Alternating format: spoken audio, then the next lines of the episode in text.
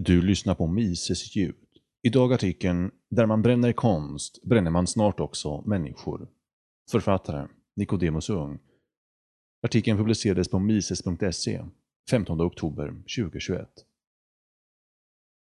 Den konstform som Lars Vilks ägnade större delen av sitt konstnärskap åt kallas processkonst och innebär att betraktaren blir en del av konstverket genom sina reaktioner, omdömen och åsikter. Rondellhunden var härigenom något som lyckades skapa en skärningspunkt i mitten där två starka åsikter och politiska teorier går isär i svensk debatt. Vår yttrandefrihet, där rätten att smäda en religion ingår, och rätten att inte bli kränkt som minoritet. Liksom rätten att vara fredad och ha det allmänna som en så kallad safe space, eller skyddat rum, för obehagliga åsikter och konstformer. Rondellhunden skapade således processer och jag har tidigare skrivit om Moderna Museets vägran att ta in rondellhunden med hänvisning till värdegrunden. Att museet i själva verket är rädda för attacker är faktiskt ytterst relevant i sammanhanget. Det är nämligen inte enbart detta verk av Lars Vilks som hotas. I dagarna gick partiet Nyans ut med en debattartikel i Göteborgs-Posten med rubriken Nimis är en symbol för islamofobi och borde brännas ner. Bakom artikeln står partiordföranden Mikael Yüksel. Yüksel skriver För många, däribland muslimer, är det ett elände att se Nimis stå kvar. Det har kommit att symbolisera normalisering och acceptans av islamofobi och rasism i samhället. Därför bör Nimis omgående brännas ner. På vilket sätt Nimis skulle vara ett uttryck för islamofobi och rasism framgår däremot inte av artikeln. Nimis har ju inga som helst religiösa motiv, utan är en installation som Vilks började bygga på 1980-talet, och för att då skapa andra processer, där konstverket utmanade svensk lagstiftning om bygglov, bestämmelser rörande nationalparker och problem kopplade till allemansrätten. Nimis skapade processer, fast inte rörande religion eller yttrandefrihet. Intrycket man får av Yüksels debattinlägg är således att det är fel på konstnären. Det är Lars Vilks som man vill klämma åt och dessutom genom att bränna ner hans konst. Associationerna går till nationalsocialismens bokbål. Ett obekvämt konstverk är ju i sammanhanget att likställa med en obekväm litteratur. Där man bränner böcker bränner man snart också människor. Det Mikael Yüksel, liksom Mehmet Kaplan före honom, och som också kritiserade rondellhunden, missat med yttrandefriheten är att man antingen omfattar den i dess helhet eller inte alls. Det går nämligen säkert att hitta i någon individ som känner sig kränkt av det mesta, exempelvis ICA-reklam, eller att se Stefan Löfven på bild i TV. Poängen är just att man måste tolerera det som är obekvämt och som man inte håller med om. Man måste exempelvis tolerera att åsikterna går isär rörande ens egna trosuppfattningar. Man är fri att kritisera Lars Vilks konstverk om man vill, men man har inte rätt att bränna ner den. I ett samtal med en före detta muslim menade hon att vissa muslimer har svårt att hantera yttrandefriheten som rör kritik av Muhammed och att detta beror på Sura 33.57 som säger att den som förolämpar Muhammed är fördömd både i detta livet och i det tillkommande och har att vänta ett förödmjukande straff. Frågan är vad förolämpning innebär i sammanhanget. Det tolkas förmodligen på olika sätt av olika grupper, men uppenbarligen så räknas alltså rondellhunden av tillräckligt många vara just en förolämpning. Lars Vilks är inte ensam. Salman Rushdie, författare till Satansverserna, fick en fatwa emot sig och ett pris på sitt huvud.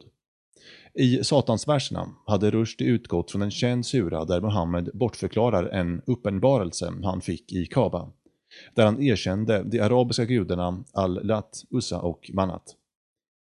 Muhammed påstod senare att det var Satan som inspirerat honom att recitera dessa verser, men att Allah reviderat det hela i efterhand. Man kan läsa en del av detta i surorna 53, 19-22. Muhammed tog tillbaka sin bekännelse Intrycket Rushdie problematiserar rör ju då att Muhammed hade svårt att skilja på vad som kom från Allah och vad som kom från Satan, och om det fanns fler verser i Koranen som kunde ifrågasättas på samma grundval. En annan som blev mordhotad var Theo van Gogh, som gjorde filmen Underkastelse. Theo valde dock att undvika beskydd och blev mördad på en gata i Amsterdam.